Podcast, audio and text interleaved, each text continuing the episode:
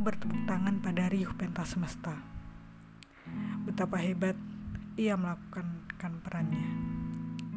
Sungguh tak terduga bagaimana bisa waktu dan jarak mampu menyentuh bilik-bilik hati antar manusia lainnya. Perlahan, ku mulai meretuki diri yang tak mampu melepaskan dari jerat-jerat semesta.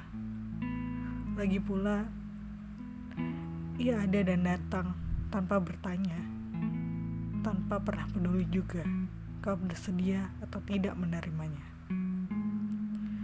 Batinku mulai gusar saat dihardiknya.